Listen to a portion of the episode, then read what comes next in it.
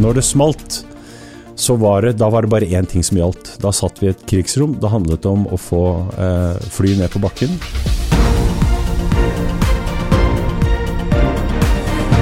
Dette er All In med Oslo Business Forum. Ja, dette er kapteinen som snakker. Vi ønsker dere velkommen om bord til denne flyvningen som skal ta dere til Mallorca. På destinasjonen er det 26 grader, vi har medvind, og vi estimerer en flyvetid på ca. fire timer. Vi ønsker dere en fantastisk reise. I 2019 reiste over 36 millioner passasjerer med flyselskapet Norwegian til destinasjoner som Mallorca, Bangkok, Florida og Kirkenes. På dette tidspunktet opplevde Norwegian allerede store tekniske problemer med flyene sine og hadde en enorm gjeld. Likevel var optimismen stor. Over 200 fly var bestilt, og aksjonærene spyttet inn frisk kapital. Skulle endelig Norwegian virkelig lykkes? 1.1.2020 overtok dagens gjest Jakob Skram som konsertsjef i Norwegian, og tok plass som Bjørn Kjos arvtaker. Nå skulle Norwegian ta det neste steget. Min viktigste oppgave fremover vil være å bringe Norwegian tilbake til lønnsomhet og ytterligere befeste posisjonen som en sterk aktør i internasjonal luftfart, sa Skram til E24 da han ble ansatt. Så kom det som skulle snu hele verden på hodet. Og nå i ettermiddag ble det klart at Norwegian kansellerer 4000 flygninger, og de permitterer halvparten av sine ansatte. Kuttene er størst på langdistanse, men kommer også i Norge og på rutene i Europa. I morgen kommer regjeringen med en redningspakke for flyselskapene. Siden mars har Skram møtt sin største utfordring noensinne. Som toppleder av Norwegian har han måttet kansellere titusener av ruter, permittere tusenvis av ansatte Ombookinger og erstatningskrav har flommet inn, og regjeringen har avslått Norwegians søknad om en redningspakke. Han har stått i en enorm mediestorm siden mars, og alle vil vite både om selskapet overlever, og i tilfelle hvordan. Det jeg er nysgjerrig på er, hvordan har Jakob opplevd dette kriseåret? Hvilke tiltak har Norwegian gjort på bakrommet for å komme gjennom krisen? Og hvordan er det å stå i denne stormen? Det gleder jeg meg til å finne ut. Mitt navn er Tor Høgnes. Velkommen til podkasten All In med Oslo Business Forum, en podkast for ledere som er lidenskapelig opptatt av ledelse, innovasjon og strategi.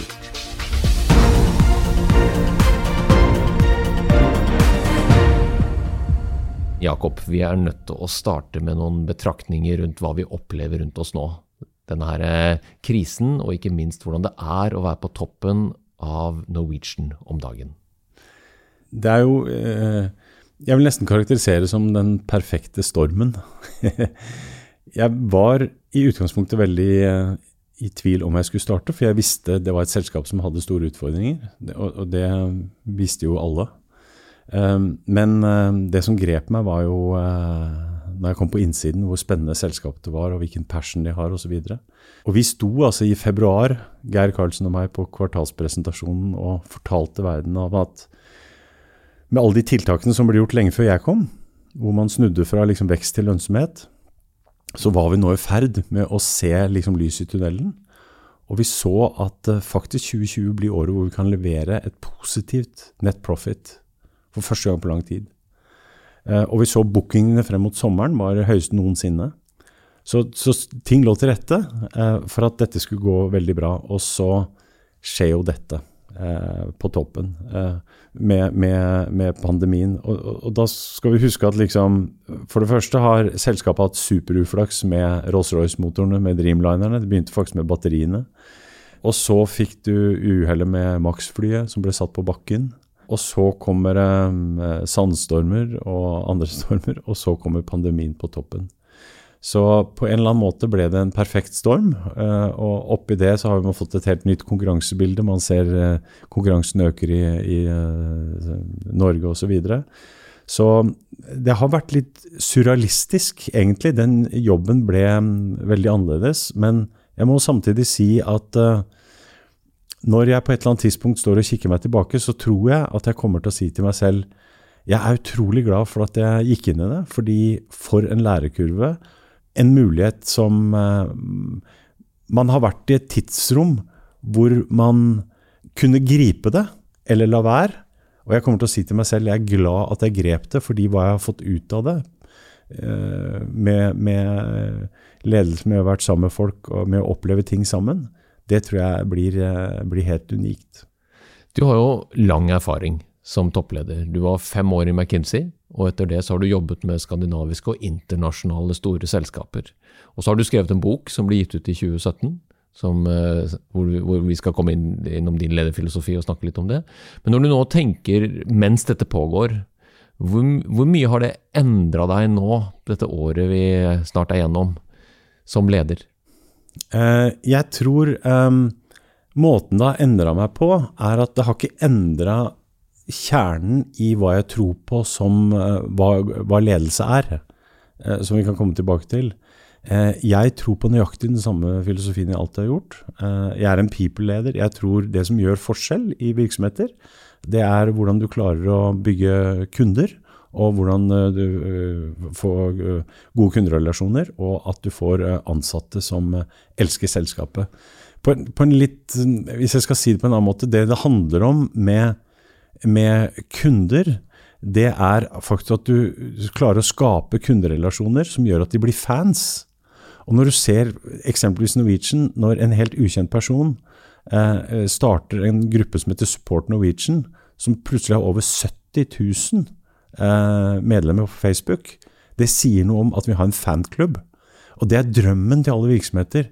At du får kunder som går fra å være kunder til å bli fans. Akkurat på samme er det på, eh, på ansattsiden. At du klarer å skape såpass engasjement med de ansatte at du klarer å skape en stammekultur. Når jeg var liten, så leste jeg mye cowboy-indianerblader.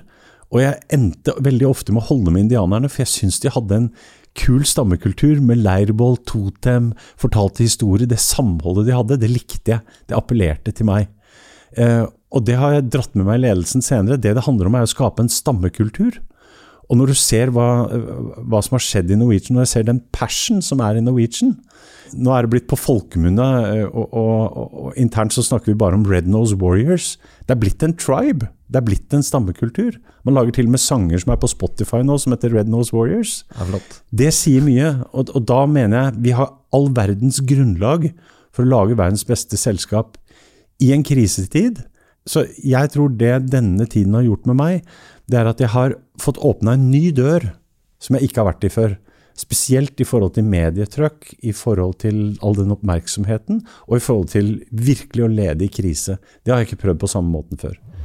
Det som slår meg, er at Jakob virker så rolig og reflektert, avbalansert rett og slett, i det medietrykket som han altså står i.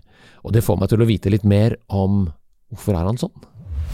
Dels så tror jeg det er en del av meg, en del av min personlighet, og alltid vært det. Eh, jeg husker alltid min mor og far sa i mange sammenhenger ja, hvordan klarer du å være så rolig? Eh, og det har jeg ofte hørt gjennom både oppvekst og i mange andre situasjoner. Og hvis det har vært kriser, hvis det har vært alvorlige hendelser, eh, så er det akkurat som jeg Når noe alvorlig slår inn, det kan være ulykker, det kan være andre ting, så går jeg aldri i panikk. Jeg får en sånn indre ro. Altså det er akkurat som det skjer noe inni kroppen min, at jeg bare blir veldig rolig. Og så blir jeg ekstremt fokusert. Jeg får sånn tunnelsyn og, og, og fokus på, på, oppgaven. Og jeg, jeg, tror det er et viktig element i hvordan klarer du å slappe av. Du må, tror jeg, ha den evnen. Men så kan du også trene på det, og du må legge til rette for det. For jeg tror hvis et batteri alltid er i høyspenning, eller i spenning, da uh, går det ut, og vi vet jo det fra eksperter som kan batterier, at hvis batteriet aldri blir tatt ut helt, og så fullada etterpå, så dør det fort. Sånn er det med mennesker også. Uh, vi må finne lommer hvor du faktisk kobler av, og hvor du faktisk er mentalt borte. Det holder ikke å si at nå drar vi en tur til Roma og så hygger vi oss. Hvis ikke du er mentalt til stede når du skal hygge deg, da får du ikke slappe av. Da går du med en konstant spenning.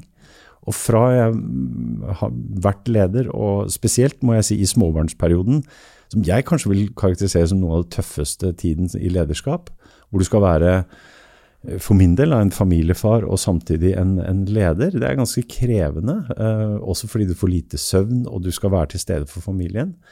Eh, da må du sette deg noen prinsipper. Eh, og mitt prinsipp var at jeg alltid skulle være hjemme klokka halv seks til middag. Eh, og det gjorde jeg. Det betød selvfølgelig at jeg måtte gå en runde to om kvelden og, og jobbe med mail da. Og så jobbet jeg aldri i weekender. Og det klarte jeg å holde. Og så kommer det perioder hvor du ikke kan kontrollere det. Som eksempelvis nå er det litt vanskelig. Men det å sette de prinsippene er veldig viktig. For jeg tror hvis du går med en konstant høyspenning inni kroppen din, så kommer du til å merke det når du blir eldre. Og jeg tror det er også ting som slår ut i sykdommer, og utmattelse og utbrenthet. Kjempefine refleksjoner. Tror du dette er noe som du sier at det kan læres opp? Eh, jeg har jobbet mye med unge mennesker, og jeg har, jeg har jobbet med unge mennesker som underviser og lærer, og sett Jeg mener at for 20 år tilbake så var det mindre stress og forventninger og, og frykt og fear of missing out enn det er nå. Det er akkurat som de har eh, alt på høyspenning fordi de frykter å ikke få med seg noe. Har du noen samme type refleksjoner rundt hva vi observerer rundt oss? Altså den fair of missing out, da, som gjør at folk har vondt for å faktisk ta seg de pausene de trenger. Ja, jeg, jeg, jeg, tror det samfunnet vi lever i, det tror jeg er et produkt av samfunnet. Jeg, jeg tror det er tøffere å vokse opp i dag som, uh, som, ung, til tross for at velstanden er bedre, man har et større sikkerhetsnett, uh, man har uh, kanskje en mor og far som kan hjelpe deg på en større grad enn det man kunne når man var tilbake på 70-80-tallet. Men jeg tror det som er annerledes for unge mennesker i dag, det er at kravet til å lykkes er online hele tiden. Du får aldri skrudd av den bryteren. Fordi eh, sosiale medier du skal hele tiden poste ting, du skal hele tiden bli lika. Du skal hele tiden være til stede i de riktige stedene. Uh, og det gjør to ting, tror jeg. Det ene er at du får en litt sånn fake overflate, fordi du hele tiden må prestere. Uh, og det andre er at du aldri får skrudd av. Uh, og jeg ser jeg, jeg, jeg, ser jeg, har også barn selv, holdt jeg på å si, som nå er i voksen alder. Men f.eks. det på Snapchat at du hele tiden kan spore hvor folk er hen, skaper jo masse turbulens i forhold til at man kan føle seg utelukket på en helt annen måte. For plutselig så ser man at ja, det er jo flere av vennene som er sammen nå, de sitter på den kafeen. Hvorfor har ikke jeg hørt noe om det? Altså når, I 70-80-tallet så hørte du ikke at det skjedde engang.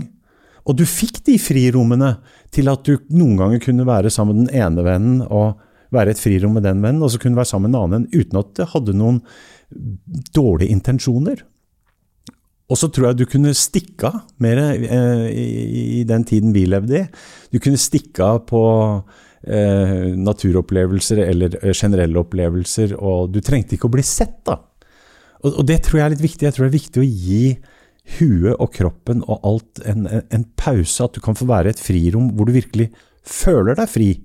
Og jeg tror det er mange i dag som, hvis de går ordentlig inn i seg selv, de føler seg ikke helt fri fordi du hele tiden må være on. Vi glemmer det. vet du, vi, Dette er jo en datamaskin. Den har jo en null og én-logikk. Alle ja. systemene knyttet til det simulerer jo menneskelige følelser for at vi skal bli avhengige. Ja. Det er jo dopamin. Det er, det, og de er gode på det. ikke sant? Ja. Men jeg har veldig lyst til å snakke om denne filosofien din, Jakob. Du, I 2017 så ga du ut en bok eh, på litt over en kilo, faktisk. Så man kan ta med et par stykker av disse her før man begynner å betale overvekt. Men, men denne boken har en kjerne og en fruktmetafor, ja. som er en fersken. Og du har altså brukt uh, to år av livet ditt på å forfatte dine egne eksempler og din egen lederfilosofi, samtidig som du var toppleder. Og så ga du ut denne i 2017. Eh, kortversjonen av den, Jakob, for de som ikke har lest den, hva er det? Den første tredjedelen handler egentlig om hele rebrandingen fra Statoil Fuel Retail til Circle K. Eh, Statoil, som var et av de mest rotfesta brandene i Skandinavia, eh, og spesielt på bensinstasjoner, var jo der egentlig brandet levde til å bli kjøpt av en eh, eier med brandet som hadde 20-30 brands av andre selskaper de hadde kjøpt, og hvor vi da eh, endte opp med å hete Circle K, og den prosessen var, ledet vi her fra Norge. Eh, så det forteller hele den prosessen. Men kanskje viktigst i boka, det er hva jeg tror på av ledelse i forhold til å lede virksomheter, basert på de årene Eh, jeg har ledet ca. 30 år. Og det er viktig for meg å si at dette er ikke noe oppskriftsbok. Eh, for det er mange filosofier. Det er litt som religioner. Det er ikke én religion som er riktig, men det er viktig at når du knytter deg til en religion eller til et livssyn, om det er ateisme, så er det også et valg. Så må du levere 100 Eh, Og sånn tror jeg det er veldig viktig i forhold til ledelse. Du må finne hva du tror på, og så må du levere 100 Eh, Hvis ikke du gjør det, så blir du en grå leder. Og det jeg tror på, eh, og det er det jeg skriver om i resten av den boka, to tredjedel, det er en ledelse som består av, av fem elementer. Og det har jeg sammenlignet med en fersken. Det er egentlig bare tilfeldig, eh, men eh, for det første så er kanskje fersken den frukten jeg liker best. Da er det ikke så tilfeldig allikevel. Nei, så det, det gir meg passion, fordi det er sånn det ultimate av å spise en frukt. Det er nytelse, eh, den type ting. Men det kan være fryktelig dårlig òg, hvis den er råtten og halvgammal og tørr. Eh, og sånn kan jo ledelse også være. De fem elementene er fordi jeg ser på Hvis du tar fersken og har steinen i fersken, så er jo det kanskje det kjedeligste. Når du kommer dit, så er alt over. Det er bare en stein, du kaster den i jorda, ferdig.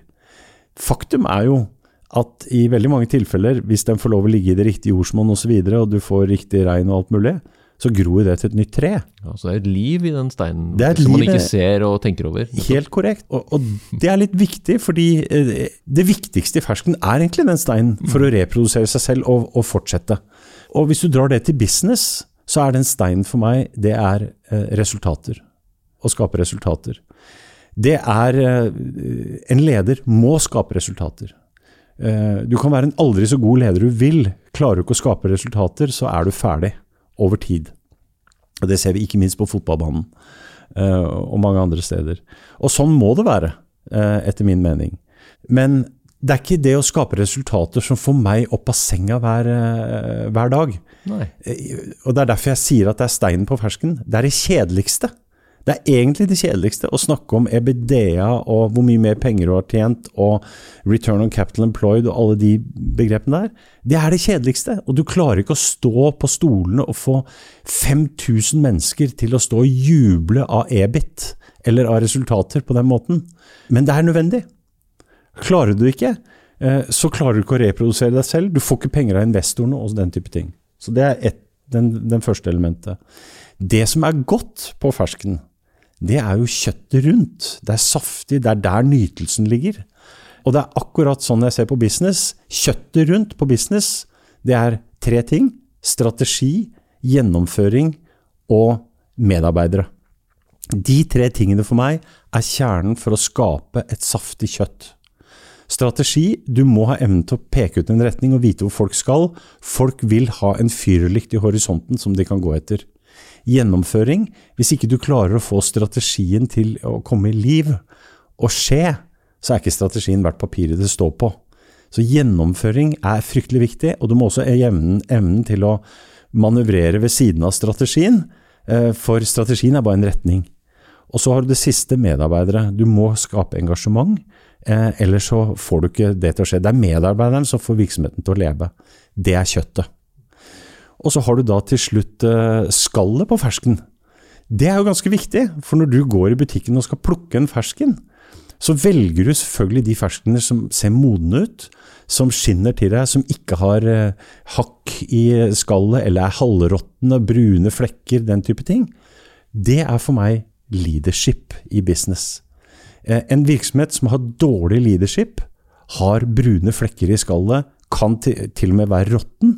Eh, og leadership skal gjøre to ting. Det skal tiltrekke kunder, du skal skape et customer brand, og det skal tiltrekke de riktige og beste ansatte. Du skal skape et employer brand. Det for meg, det er de fem elementene. Så leadership pakker inn hele greia, og det jeg sa. Og da har du fersken. Og du kan tenke deg, hvis resultatet var det eneste saliggjørende, prøv å sitte på en fotballkamp og kun få beskjed om det eneste du skal få lov til på denne fotballkampen, det er å se på skåringstavla. Så skal du få lov å følge med hver gang den flytter seg et hakk. 1-0, 1-1, 2-1, 3-1. Det er det eneste du skal få lov til. Hvem gidder å gå på fotballkamper da? Det som er kult med en fotballkamp, det er jo det spillet som foregår på matta. Det er excitement, nestensjansene, skuffelsen, gleden, jubelen osv. Og det er det som er gøy med business, og det er kjøttet, og det er skallet. Men får du ikke mål, så dør du på sikt. Jeg synes det er herlig. Jeg er veldig glad og svak for eh, fruktmetaforer og andre metaforer. Eh, og fersken-analogien i en krisetid, Hvordan er den? Altså, hvordan, hvordan ser dette her ut nå? Det er klart at du, du må alltid tilpasse virkeligheten til den situasjonen du står i. Eller må tilpasse den situasjonen du står i, til, eh, til de verktøyer du bruker. Ja. Og det interessante er, eh, selv med den krisen vi har gått igjennom, så har jeg personlig brukt veldig mye av boka mi, i, eh, og, og, det jeg tror på, da, i en krisetid. Og så må du noen ganger justere og legge vekk. Et eksempel på det er eh, Jeg tror jo det er viktig For det første, så, så, så, i april, når alle flyene sto på bakken, altså når det smalt, så var det, da var det bare én ting som gjaldt. Da satt vi i et krigsrom. Da handlet det om å få eh, fly ned på bakken. Altså 150 fly skulle ned, parkeres fordi det var ikke kunder. Og da hadde vi altså 10 000 ansatte. Da skulle vi permittere 8000 i hvert fall. Eh, mer også i ettertid. Fordi fikk vi ikke kostnader ut av selskapet, så ville vi dø veldig fort. Likviditet ble helt avgjørende. Og da handlet det kun om det. Når vi gikk derfra inn i en dvalefase, så tok jeg tak i, sammen med mitt lederteam, eh, strategibiten. Fordi vi så nå har vi muligheten. Winston Churchill sa en gang 'never waste a good crisis'. Dette er århundrets, dette er eh, den største krisen noensinne i luftfarten. Vi visste at Norwegian må gjøre fundamentale store endringer. Hvorfor ikke da benytte denne krisen til faktisk å få gjort det? Mm. Det gjorde vi i april. Satte en ny strategi. Den nye strategien for oss, det er mantraet vårt, det er fyrlykten. Winston Churchill var jo kjent for sine enorme taleferdigheter og en politiker av rang. Han brukte jo hele sitt voksne liv, over 60 år i politikken, og i da dronningens tjeneste, og er jo en av disse samlede figurene fra andre verdenskrig, som jo vi drar opp i tide og utide. Og dette er jo et veldig spennende tema for meg som historiker, men også å prøve å peke framover. For Churchill var jo også kjent for å brenne ut mange av de menneskene rundt seg, og var enormt sta i den realpolitikerrollen han hadde. Så hvordan ser Jakob på de menneskene han har med seg? Det vanskeligste steget i ledelse, etter min mening, det er å gå fra strategi til gjennomføring. Der er det mange som feiler, fordi strategiene blir ah, deilig, nå har vi det nå har vi det på bordet. Alle har sett powerpointen. Alle, Alle vet hvor det er en. Yes! Ja, ja. Og så legger vi det til siden, ja, og så kjører vi som vi pleier. Hvordan går du fra strategi til execution? Mm. Og da må du ta strategien, og så må du lage det vi kaller en strategisk agenda. Vi hadde åtte elementer i strategien vår. Vi tok hver av de elementene og brøt ned i konkrete elementer som vi skal gjennomføre de neste seks måneder. Helt dønn konkret. Med målepunkter og hvem som skal gjøre det. Yes. Mm. Hvem er ansvarlig for det i mitt KL? Hva er milepælene? Sånn at du har den strategiske agendaen basert på de åtte strategiene vi hadde. Og så kommer trikset. Det er at du da tar den strategiske agendaen, og så fordeler du den ut på ledermøtene, KL-møtene. Og da lager du agendaen til disse ledermøtene i forhold til den strategiske agendaen, fordi da klarer du å drive deg selv igjennom. Det gjorde vi i denne krisetiden. Og så kommer det jo en bølge to, og så må vi legge det til siden, fordi plutselig begynner vi da å få kjempeutfordringer med likviditet igjen. Og så kommer det som vi er midt oppi nå, med Irish Examinership og alt det. Og, og da må vi tilbake til krigsrommet.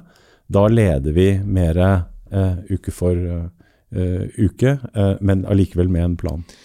Det, og du er jo opptatt av menneskene dine. Ja. Du, du, sier jo at gjennom mennesker så leder man. Og du vil bygge mennesker som er i stand til å lede, også gjennom de utfordringene det er i nå. Hvor tett på er du lederne dine, Jakob? Jeg tror jeg er ganske tett på. Um, uh, men kunsten er å være tett på, men samtidig også gi dem muligheten for uh, å lede selv. Mm. Du har en matrisetankegang, har du ikke det? På jo. lederprofiler, er det ikke så? Jo, jeg ser etter ledere når jeg rekrutterer toppledere, vel å merke. Mm. Det er en stor forskjell å være det jeg kaller manager, et nivå to-leder, og en nivå én-leder, som er en topp executive, KL-medlem, konsernledelsesmedlem. Mm. Fordi det største steppet du tar fra de første lederjobbene du har, til å bli en, en, toppleder, det største spranget til å bli en toppleder, det er at du kan ikke lenger sitte ned og gjøre jobben sjøl. Du må lede gjennom andre. Og det er vanskelig å lede gjennom andre. Fordi eh, hvis du har et voldsomt kontrollbehov, så ligger du på dem så mye at du faktisk hindrer dem fra å gjøre en god jobb. Men så må du også finne balansepunktet og ikke ligge for langt vekk også, slik at du ikke har kontroll på sluttproduktet. At uh, her burde jeg faktisk ligge tettere på, for det som kom ut i andre enden, det var for dårlig. Det å finne den balansen, det er the art of leadership. Og, og der mener jeg eh, så må, må, du ha en eh, struktur på hvordan du jobber med folk. Eh, det er at jeg har mitt call-team. Det er de jeg har nærmest. Eh, de møter jeg De snakker jeg med hele tiden gjennom uka. Men vi har møte hver 14. dag, full, fulltidsmøte, hvor vi går gjennom denne strategiske agendaen, alle disse tingene. Og, og i tillegg så jobber vi adhoc ved siden av. Og så har jeg én-til-én-møte med dem. Uh, når jeg ikke har da fellesmøte, så har jeg én-til-én-møte med dem, hvor de har muligheten til å sette agendaen. Jeg setter ikke agendaen. De får to til tre timer av min agenda, og så sier jeg at den kan vi bruke til hva som helst. Alt fra jeg holdt å si, private problemer til uh, medarbeidere, til uh, saker, til problemløsning.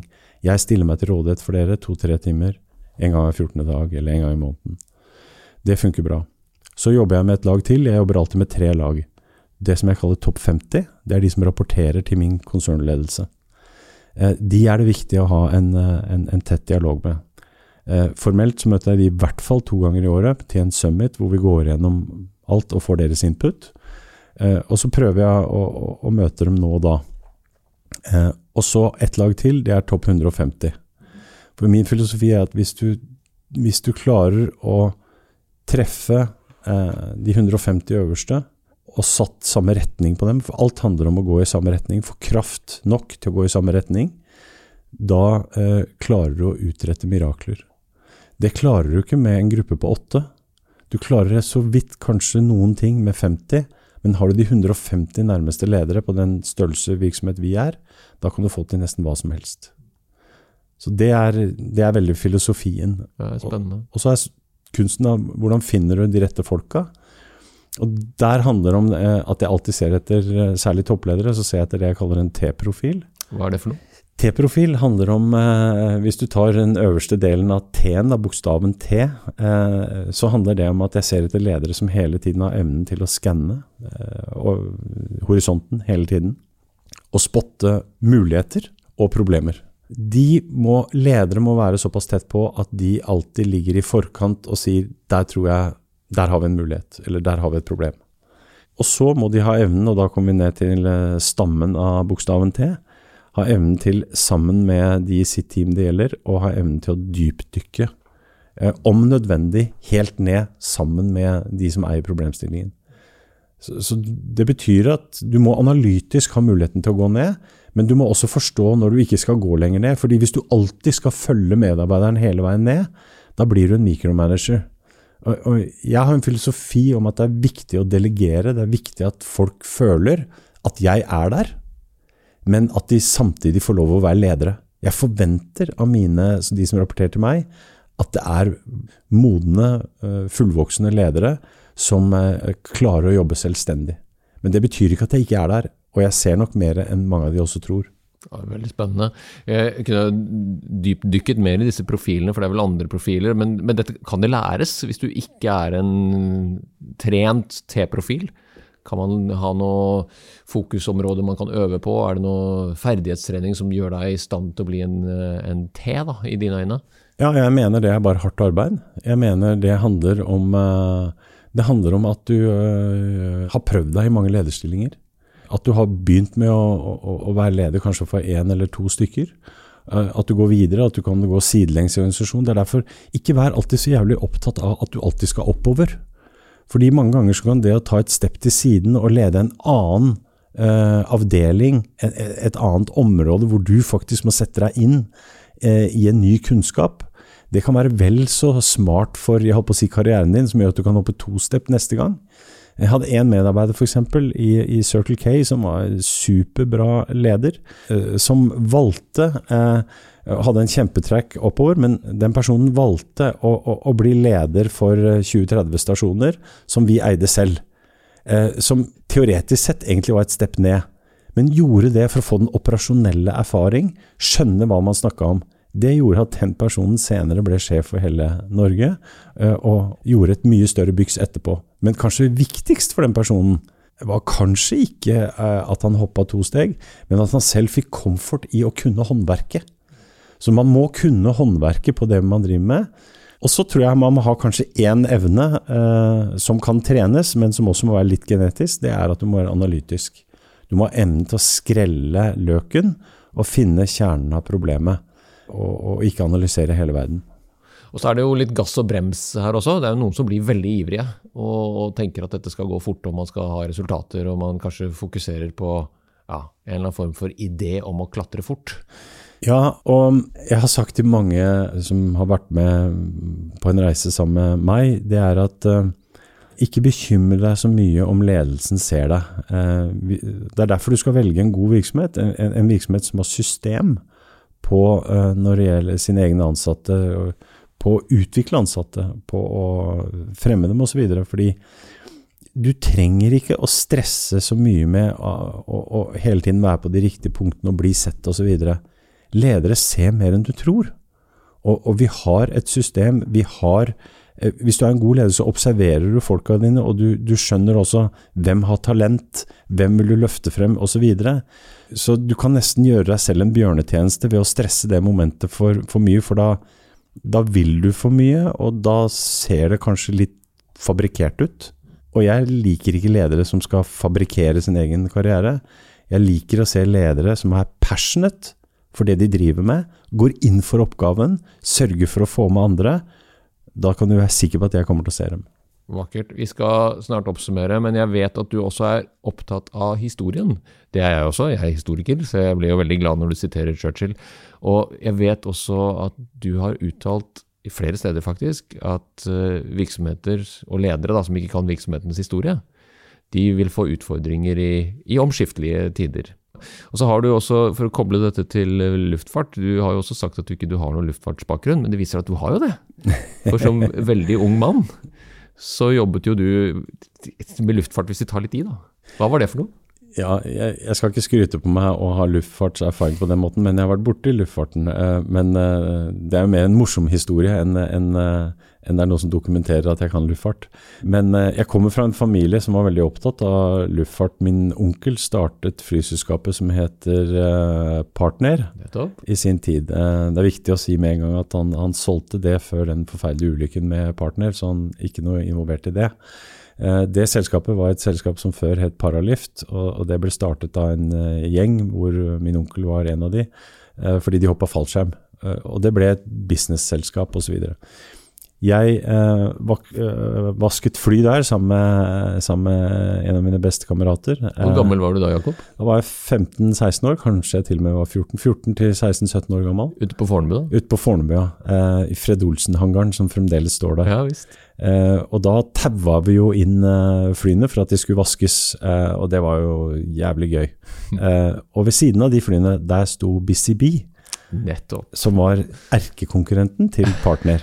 og vi så på med de med sånn uh, olmt blikk. De var gule og svarte, husker jeg. Og BCB viste seg når jeg leste boka til Bjørn Kjos. Det var jo starten på Norwegian. Det var det. De gikk jo konkurs, ikke sant? Ja, ja. Uh, og det var jo der Bjørn Kjos kom inn og skulle redde dem, og noe han også klarte, og, og gjorde dem da til uh, Norwegian. Fantastisk. Så, så, det er en kobling her. Ikke, så, neste gang, Jakob. Ja, det er en kobling. Og så var moren min uh, flyvertinne i uh, SAS. Hun ja. var den første flyvertinnen fra Bornholm uh, i, i, SAS. Så hun gikk faktisk gravid med meg mens hun var flyvertinne på propellflyene den gangen. så Du har det i blodet, faktisk? Jeg har det litt, litt grann i, i, blodet. Det er, liksom, det er sånn høydetrening som man er bitte liten. Men uh, vi, vi skulle prøve å oppsummere noen, noen, råd fra deg, som har uh, jobbet med ledelse og analysert selskaper, tenkt mye over din egen lederfilosofi, får testet din egen lederfilosofi i, i turbulente tider nå. Hvis du skal gi tre råd, hva er de tre rådene, Jakob? Det aller viktigste, det er at du uansett hvilken jobb du har, så gå 110% inn på den. Det er Paradise Hotel, vet du. Ja, ja nå tenkte jeg ikke på den type jobb, men, men jeg tenkte, det er ekstremt viktig. altså. Eh, du må brenne for det du driver med. Du, må syn, du må selv synes at den jobben jeg har, den er sinnssykt bra. Og hvis du ikke syns det, så er det du som har et ansvar for å gjøre den bra. Gjør maks ut av jobben din. Eh, fordi det er to ting med det. Det ene er at eh, det er den eneste måten, tror jeg, å, å, å komme videre på. Men kanskje det viktigste det er at uh, en av de tingene du gjør mest, det du gjør mest i hele livet ditt, bortsett fra å sove, hvis du legger sammen årene så lenge du lever, det du gjør aller mest i livet ditt, det er faktisk å gå på jobb. Og hvis du ikke har det gøy på jobb, da får du et miserabelt liv, og da kan du ikke lykkes som leder. I hvert fall ikke som en god leder. Så du må ha det gøy på jobb. Så gi maks, ha passion. Det er viktig. Hvis jeg skulle gi et annet råd, eh, så ville det vært eh, ikke vær så opptatt av karrieren. At eh, når jeg er så gammel, så skal jeg nå det, og når jeg har gjort det, så skal jeg nå det, og jeg skal være eh, avdelingsleder innen det året, og jeg skal være CEO innen det året. Jeg har jobbet på BI i mange år, Jakob, og det er utrolig mange unge, utrolig flinke folk som har som mål at de skal være CEO før de er 30. Ja, og det tror jeg er et fryktelig dårlig mål å ha. Det er så krampaktig. Ja, det, det, må man bare ikke ha. Personlig må jeg bare si det har jeg aldri hatt. Nei. Um, jeg har faktisk aldri hatt en, eh, en, veldig tydelig mål på hva jeg vil bli. Men jeg har alltid hatt et mål. Jeg er et konkurransemenneske. Jeg liker, å, å, jeg liker konkurranse. Eh, jeg liker uh, definitivt å, å, vinne og få til. Men jeg tar også tap. Jeg har hatt mange tap, også gjennom tidene. Men du må eh, ikke bli så opptatt av det, fordi det blir sett. Og du blir en dårlig leder av det. Eh, så du, da finner du ikke roen i deg selv. Du, du, du, klarer ikke å gjøre en bra jobb, tror jeg i hvert fall. Eh, så, og, og, det setter mindre stress på deg selv. Jeg tror du finner da den der roheten som vi sa. Da går ikke batteriene ut. Altså, du skal holde en stund. Så det er ganske viktig. Og det tredje jeg vil kanskje nevne, eh, det er at eh, jeg håper at du går på trynet. Jeg håper du får motstand. Jeg har hatt det sjøl. Men kunsten når du får motstand, hvis du sammenligner med en boksekamp, så er det at de som blir gode ledere, det er de som klarer å reise seg på ni. Og når jeg står som toppleder og skal rekruttere folk, og jeg sitter med intervjuer av mange dyktige folk, jeg ser bevisst etter folk som har vært i krigen. Og hvis du har vært i krigen og aldri vært i en fight, aldri blitt såret, ikke har et eneste arr på kroppen, så er jeg livredd for å ansette deg. Så det er viktig for meg at du møter motstand, at du klarer å vise at du takler motstand, og at du klarer å reise deg når du har hatt et nederlag. Alle har nederlag. Og grunnen til at det er så viktig for meg, det er at når du blir toppleder, så kan du være helt sikker på at du går på trynet på et eller annet tidspunkt. Og hvis du aldri har prøvd det, så blir det som å falle ut fra balkongen i femte etasje. Da er det sannsynligvis et så hardt fall at du ikke overlever som toppleder. Men hvis du vet hvordan du skal takle motstand, og, og klarer å reise deg, da er det kanskje bare som å falle ut fra første etasje. Så det er fryktelig viktig, altså. At uh, det å ikke alltid lykkes, det er en del av det å bli god leder. Du blir ikke god hvis ikke du har motstand, og hvis du ikke mislykkes. Jeg liker dette veldig godt, og det harmonerer jo når man har levd eh, noen år. Så vet man jo at arbeidslivet og karrieren ikke går lineært oppover. det, skal og det vil svinge. Og Det er en veldig fin eh, avslutning på en veldig hyggelig samtale. Noen uh, siste ord og hilsener til våre lyttere i Oslo Business Forum fra Jakob Skram?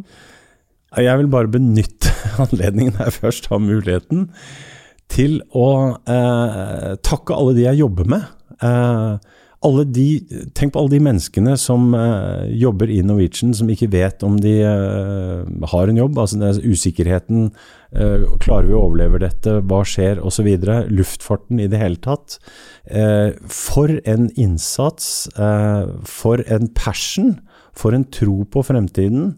jeg har dyp respekt altså, for Red Nose Warriors.